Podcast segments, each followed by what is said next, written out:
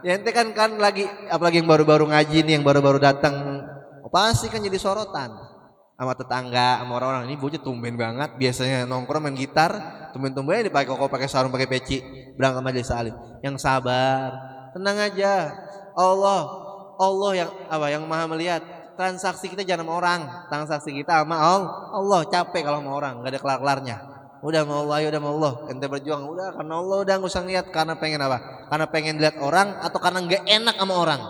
Awas tuh. Tuh ria tuh begitu. Tarkun nas tarkul amal li ajlin nas. Ria itu gitu. Mau sisinya di tengah-tengah kita.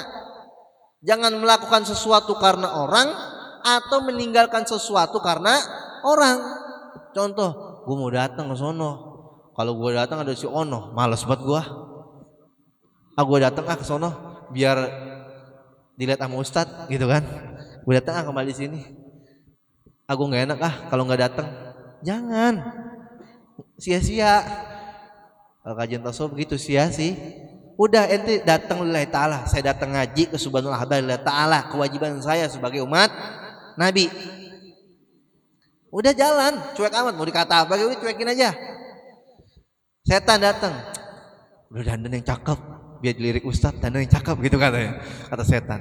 Kata setan udah lu dan yang cakep main hadu yang semangat. Biar dilihatin sama perempuan ya kan? Siapa tahu dia demen sama lu ya kan? Digoyang kita tuh. Wow.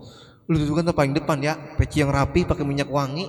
Yang kalau lu nya udah pergi wanginya masih ada ya kan ya? Pakai yang begini-begini. Ya, setan tuh gitu digocek kita digocek.